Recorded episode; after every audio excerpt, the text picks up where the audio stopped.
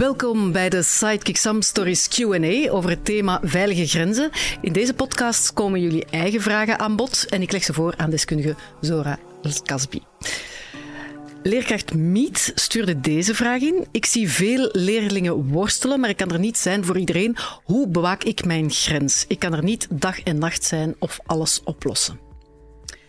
Ja, dat is een uh, zeer terechte vraag. Hè. Ik denk als leerkrachten dat je iedereen wilt helpen, hè, maar dat gaat niet altijd. Hè. Ik denk dat je voor jezelf eigenlijk gaat moeten stellen wat is voor mij haalbaar? Wat kan ik doen voor mijn leerlingen? En dat ook communiceren naar de leerlingen toe. Hè, van, van dit is eigenlijk hè, uh, wat jullie van mij kunnen verwachten. Ik ga mijn best doen. Hè. En op die manier stel je eigenlijk ook wel heel duidelijk jouw grenzen. Leerkracht Christine vraagt: Een leerlinge van mij uit het derde secundair liet me weten dat ze een sms heeft ontvangen van een jongen waar ze het lastig mee heeft. In die sms stond dat ze een mooi meisje is. Ik ken de leerling die het berichtje stuurde. Hij is ongelooflijk verlegen en anderstalig. En dat hij zoiets durft te sturen is echt een mijlpaal. Hoe kan ik deze situatie best aanpakken zonder over de grenzen van mijn leerlingen te gaan, maar ook zonder degene die de sms stuurde te schofferen? Open communicatie is superbelangrijk. Hè. Ik denk dat duidelijk is hè, om hier ook die eerlijkheid eigenlijk te tonen hè, naar die leerling toe, van dat er eigenlijk wel een grens is aangegeven. Een, een grens, hè, uh, vertellen dat je een grens aangeeft, hè, is niet negatief, uiteraard. Ik denk dat dat belangrijk is voor de andere persoon om te weten van dat op dat moment hè, dat dat niet fijn eigenlijk was voor de leerkracht. Uh, want voor hetzelfde geld, hè, uh, die jongen is misschien gewoon vriendelijk, wil gewoon een, een, een, bericht eigenlijk sturen, er is niks mis mee. Maar weet hij ja, dat niet? Eigenlijk is het een compliment bijna. Ja, je bent een mooi meisje. Ja. Je zou denken... Ja, inderdaad. Maar ja, voor dat meisje voelde het dus anders aan. Ja. Een leerling die anoniem wil blijven vraagt: hoe geef ik duidelijk mijn grenzen aan aan mijn leerkracht wanneer die bijvoorbeeld over mij komt hangen om mij te helpen op mijn blad op de bank? Uh, blijven aankaarten hè, naar de leerkracht uh, zelf toe eigenlijk. Hè. Maar eigenlijk moet de leerkracht zelf uh, bewust eigenlijk zijn hè, dat dit niet, niet oké eigenlijk is, dat dit grensoverschrijdend gedrag is. Um, naar de leerling zelf toe blijven aankaarten, niet enkel bij de, dezelfde leerkracht, maar misschien ook bij andere leerkrachten, bij vertrouwenspersonen. En als we merken eigenlijk dat daar dan niks mee wordt gedaan, is het belangrijk ook om je ouders eigenlijk in te lichten, of naar het JAK te gaan, of naar het CLB. Ik denk dat dat wel een eigenlijk is. Hallo, ik ben Jarne. En ik vroeg me af van een paar rode vlaggen zijn waar je naar moet zoeken in geval van fysiek contact. Als je bepaalde fysieke contacten ervaart en je ervaart die eigenlijk als ongewenst, daar gaat het eigenlijk ja, over. En waar zie ik dan de rode vlaggen? Wat zijn dingen waar ik van kan zeggen van, ah, dit is erover, dit is erover. Zo ik, interpreteer ik. Ik denk vanaf het moment, hè, um, als ze die gedragingen uitvoeren en dat is voor jou niet prettig, niet fijn, hè, je hebt een ongemakkelijk gevoel, dan denk ik eigenlijk al dat ze je grenzen aan het overschrijden zijn. Dat is eigenlijk wel een, een rode vlag dan, hoe je dat noemt. Hè. Maar zijn er zo eerdere rode vlaggen al, dat je het ziet aankomen, dat je kan zeggen van dit is al niet fijn, zodanig dat het niet kan escaleren? Bijvoorbeeld als die persoon jou probeert te overtuigen eigenlijk, hè, of bijvoorbeeld ook emotioneel te overtuigen, hè, dan kan je eigenlijk wat je eigenlijk al nee hebt gegeven, maar die proberen dat toch, dan is dat ook al een soort hè, rode vlag. Hallo, ik ben Somaya en ik kom uit het zevende jaar van de school Sint-Willebrod Heilige Familie. En mijn vraag is, hoe kan ik beter omgaan met, met mensen die mijn grenzen overschrijden? Ik denk dat het belangrijk is om te blijven communiceren. Hè, dat je het eigenlijk hè, niet fijn vindt. Hè. Je kunt er zelf ook in trainen eigenlijk. Hè. Uh, hopelijk hè, dat school daar ook een, een, rol eigenlijk in kan spelen om ervaringsgericht eigenlijk te werken om uh, om te gaan hè, uh, met je grenzen te respecteren. Maar ik zou zeggen, blijven oefenen eigenlijk. Hè. Dat blijven zeggen, blijven herhalen. Hè. Ik denk dat op die manier dat dat wel gaat lukken. Maar ik denk dat er nog iets anders speelt bij Soumaya, want ze zegt, hoe kan ik mijn zelfvertrouwen vergroten om mijn grenzen te bewaken? Dus hoe kan je zelfvertrouwen vergroten? Is eigenlijk als je in die situaties eigenlijk zit en je probeert het eigenlijk al, dan wordt je zelfvertrouwen eigenlijk al veel groter. Dus rollenspellen helpen bijvoorbeeld? Ja, inderdaad. ervaringsgericht werken helpt zeker. Ja. Hallo, ik ben Noor. Hoe kan ik leren omgaan met mensen die mijn grenzen niet respecteren? En hoe kan ik leren om mijn grenzen aan te geven zonder me schuldig te voelen? Ik denk dat het belangrijk is, daar, daar gaat het over, hè, de bewustwording eigenlijk, hè, van grensoverschrijdend gedrag. Uh, sommige mensen hebben het gevoel van, als ik mijn grens eigenlijk aangeef, oh, ik doe iets verkeerd of zo, totaal niet. Hè. Mensen gaan eigenlijk moeten, hè, moeten weten van, als ik mijn grens aangeef, is dat eigenlijk voor mij belangrijk. Hè. Dat is voor mijn zelfzorg, voor mijn psychisch welzijn, voor mijn algemene welzijn. En als je die insteek al hebt, die mindset al hebt, is dat misschien voor jou ook veel makkelijker eigenlijk om al jouw grenzen aan te geven. Het eigenlijk als iets positiefs zien. Ja, inderdaad. Lela vraagt: hoe kan een leerling aangeven aan een leerkracht wanneer die over de grens gaat? hoe dat je dat kan aangeven aan de leerkracht, hè, wanneer dat die de grenzen overschrijdt. Denk open communicatie, maar dat is niet altijd even gemakkelijk. Je zit hè? ook met een machtspositie Ja, inderdaad. hè? Dus dat begrijp ik zeker. Hè. Als jij het gevoel hebt van, goh, dat gaat voor mij eigenlijk niet echt lukken om dat aan te geven aan de leerkracht. Wat je dan wel kan doen, is een vertrouwenspersoon inschakelen. Hè. Meestal zijn er wel vertrouwenspersonen op school aanwezig. En dat daar aankaarten. Of ook met je ouders eh, bespreken. En dan zien eigenlijk welke mogelijke stappen dat je dan kan ondernemen. Met Yusra, hoe kan ik leren om nee te zeggen en mijn eigen behoeftes aan te geven? En hoe kan ik beter leren omgaan met mijn grenzen aan te geven? Wel, hoe kan je leren eigenlijk om beter hè, je grenzen aan te geven en je behoeften? Hè? Dan ga ik terug naar de schoolcontext. Hè. Daar moet het eigenlijk al gebeuren. Er moet een veilige hè, klimaat gecreëerd eigenlijk worden, waarbij jongeren eigenlijk het gevoel kunnen hebben van hier kan ik alles openlijk bespreken. Ook eigenlijk hè, grenzen leren aangeven.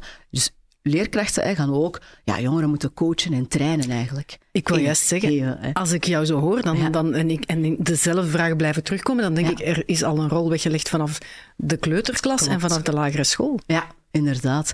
Zeker. Hè. Ehm, omdat taal, hè, zoals ik al zei, taal is superbelangrijk om grenzen te leren aangeven. Dus hoe vroeger hè, dat men erbij is, hè, eh, hoe beter eigenlijk, of hoe groter het effect eigenlijk gaat zijn op je latere ontwikkeling. Wat moet je doen als er iemand uit je vriendenkring wordt misbruikt? Of hoe moet je reageren erop? Ja, dat is inderdaad een zeer delicate kwestie. Hè. Dus als je eigenlijk weet hebt hè, van eh, grensoverschrijdend gedrag of misbruik hè, in je vriendengroep, is het belangrijk, denk ik, als, als vriend of als vriendin of als andere persoon, om nabijheid te tonen, om eh, te luisteren naar die persoon. En als je merkt van, er is hier nog meer nodig, zou ik toch wel hè, een volwassen persoon aanspreken. Hè. Maar bespreek het ook met die andere persoon. Hè. Ehm, de personen die je met die kan inschakelen of hulp kan inschakelen, dat kan dan gaan hè, over een leerkracht, maar dat kan ook gaan over ouders, over het JAK. Hè. Er zijn verschillende instanties waar je eigenlijk contact kan opnemen om eens te bekijken, oké, wat kunnen we eigenlijk hier doen? En hun vertrouwen ook. In vertrouwen, superbelangrijk. Ja. Iemand die anoniem wil blijven, die vraagt: Er is een leerkracht die altijd over mijn fysieke grenzen blijft gaan. Ik heb het al meerdere keren aangekaart op school, maar er lijkt niets te veranderen. Hij doet het ook vaak wanneer ik alleen met hem in een ruimte ben, zodat er geen getuigen zijn. Andere meisjes hebben er ook last van, maar zij durven er niets van te zeggen. Waar kan ik naartoe? Want ik wil echt dat dit stopt. Ja. Ik vind dat eigenlijk heel erg om dit te horen. Hè. Als ik het zo hoor, hè, het meisje heeft eigenlijk al verschillende keren aangegeven van haar grenzen worden overschreden. Blijkbaar is zij niet de enigste. Zijn er nog andere hè, eh, leerlingen waarbij hun grenzen worden, aan, eh, worden overschreden. Eh, dus dat betekent leerkrachten, vertrouwenspersonen zijn op de hoogte, maar er wordt niets mee gedaan. Dat vind ik eigenlijk heel Of schrijnend. onvoldoende mee gedaan. Of onvoldoende mee gedaan. Dat vind ik eigenlijk heel schrijnend om dit te horen. Wat kan zij dan doen? Hè? Ik zou zeggen, eh, ja, contacteer andere instanties. Hè. Dat is eigenlijk jammer dat je dat dan moet doen, want eigenlijk hè, moet je dat op school wel kunnen doen. Hè. Moet je de nodige hè, hulp dan wel kunnen krijgen. Als dat niet lukt, dan zou ik zeggen van contacteer dan andere instanties, zoals het CLB, het hè, of ah wel, dat zijn andere instanties die jou kunnen helpen. Vertel het ook aan de ouders, hè, dat zij dan samen hè, naar school kunnen komen voor een overleg, dat er toch wel hè, iets wordt gedaan, of meer wordt gedaan. Kan zo'n leerling in zo'n geval anoniem blijven? Want dat is, lijkt mij ook zeer belangrijk in zo'n Ja. geval. Hè? Dat kan zeker anoniem gebeuren. Hè. Eh, Het bijvoorbeeld, het CLB-chat, dat zijn zaken waarbij jongeren eigenlijk anoniem hun verhaal kunnen vertellen. Iemand anders vraagt: Ik wil niet dat er naaktfoto's van mij verspreid worden. Wat kan ik doen om dat te stoppen? Ja, ook, ik denk dat het heel belangrijk eigenlijk is, hè, als er naaktfoto's hè, worden verspreid, hè, de verantwoordelijkheid ligt bij de dader, degene die dat eigenlijk hè, eh, heeft verspreid. Als we merken hè, dat dat toch gebeurt, hè, eh, is het belangrijk om verschillende instanties hierop te contacteren. Hè. Um, uw, uw ouders, denk ik, is superbelangrijk om dat te melden eigenlijk, hè, dat, er, eh, dat er naaktfoto's eh, circuleren of, of dergelijke. Maar misschien moet je dan ook nog een schaamte voorbij zelf als kind inderdaad. tegenover je ouders. Heel moeilijk. Ja, heel Als dat niet lukt bij je ouders, hè, dan kunnen we kijken eigenlijk naar de school zelf. Om te kijken van oké, hoe kunnen we dit eigenlijk aanpakken. Eh, lukt dat ook niet bij de school, zijn er ook nog andere instanties. Je hebt het CLB, je hebt het JAK, je hebt AWEL. Dat zijn ook nog andere zaken waar je terecht kan. En ook nog een hele belangrijke, zeker als het gaat over naaktfoto's, Child Focus. Hè. Child die hebben ook een, een aanpak eigenlijk hè, rond naaktfoto's hè, die circuleren. Dus die, kunnen die kan je ook contacteren. En misschien moeten we kort ook nog regels rond sexting eh, vermelden. Nooit je hoofd erop zetten. Altijd een witte achtergrond als je het doet. Ja, klopt. Hè, superbelangrijk. Hè. Eh, op zich, sex, sexting hè, tussen jongeren, hè, ehm, ehm, is, dat hoort bij de ontwikkeling. Hè. Dat, is op zich wel normaal. Hè. Uh, de wetgeving is daar ook veranderd. Hè. Sinds kort, vanaf 16 jaar, mag je dat eigenlijk ook doen. Hè. En we moeten ook jongeren leren eigenlijk om dat op een gezonde manier te doen. Hè. Inderdaad, je gezicht niet laten zien. Hè. Geen tatoeages of noem maar op, hè, die uh, kunnen leiden tot u als persoon of dergelijke. Dus jezelf al, ook al een beetje indekken op voorhand. Ja. Iemand anders wil weten, op een stage op de werkvloer nam een vrouwelijke baas mij vast. Het is een meisje die de vraag stelt. Mhm. Ik heb aan mijn leerkracht gezegd dat ik dit niet wou, maar er verandert niets. Wat kan ik doen? Ook jammer wel, hè, om dit eigenlijk te horen. Hè, dat je als persoon, je neemt eigenlijk al de moed om het te vertellen. Je neemt eigenlijk de moed van, goh, er is grensoverschrijdend gedrag, uh, uh, grensoverschrijdend gedrag gesteld naar mij toe. En je vertelt het al, dat is, al, dat is al een hele grote stap. En het feit dat er eigenlijk niets wordt gedaan, vind ik wel al schrijnend eigenlijk om te horen denk dat het belangrijk is, als dat dan op een stageplaats eigenlijk is, om eens te bekijken welke andere personen zijn nog betrokken in de schoolcontext, die ik misschien meer vertrouw. En misschien kan ik dan eigenlijk ook naar hun terecht om, uh, om, ja, om mijn zorgen eigenlijk te vertellen. Ja, want stel, zo'n meisje zit dan op die werkvloer. Kan je dan tegen zo'n vrouwelijke baas zeggen van ik vind dit niet leuk? Op, op wat voor manier geef je dat aan? Zonder dat het negatieve gevolgen heeft voor jezelf? Dat is een hele moeilijke, hè, omdat we dan zitten met die machtsverhoudingen. Ik denk mhm. dat die leerlingen dan ook wel de angst eigenlijk hebben van oei, als ik dit ga communiceren, wat voor invloed hè, gaat dit dan hebben eigenlijk op mijn, op mijn resultaten, op mijn punten? Ik snap zeker die bedenking. Um, als het lukt, geef het zeker aan. Hè. Als het niet lukt, geef het bij een andere persoon aan. Hè. Als er, als er een, een stage is, is er meestal ook een stageverantwoordelijke van de school. Be, eh, contacteer die persoon ook. Maar het moet misschien nog verder gaan, want als een stagebegeleider het niet zo serieus neemt, dan heb je een probleem natuurlijk. Ja, dan ga je eigenlijk inderdaad een stap verder. Dan kan je bijvoorbeeld naar het CLB gaan of, uh, of naar andere instanties. Maar ik blijf er ook aangeven, ook zekere ouders contacteren. Zeker en vast. Hoe kan iemand bepalen welke grenzen voor hen belangrijk zijn om te stellen? Dat is persoonlijk. Hè? Grenzen zijn uh, zeer persoonlijk. Het is belangrijk hè, dat je uh, ontdekt eigenlijk welke grenzen voor jou zeker niet over, overschreden mogen worden. Dus dat betekent dat, dat, jongeren ook gaan experimenteren. Op zich is daar eigenlijk niks mis mee, maar ze moeten wel weten dat er iemand eigenlijk bij hun is, aanwezig is, die de steun kan bieden om daar advies of raad eigenlijk voor te vragen. Hallo, ik ben Sevim en mijn vraag is: als er iemand aangeraakt wordt en je hebt het gezien, maar ze heeft gezegd dat je er niet mag over praten, wat kan je het best doen? Oh, dat is een moeilijke. Hè? Dat is inderdaad een hele moeilijke.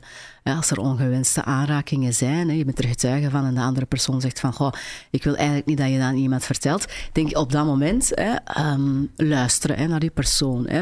Uh, die persoon zijn, zijn of haar of die gevoelens erkennen.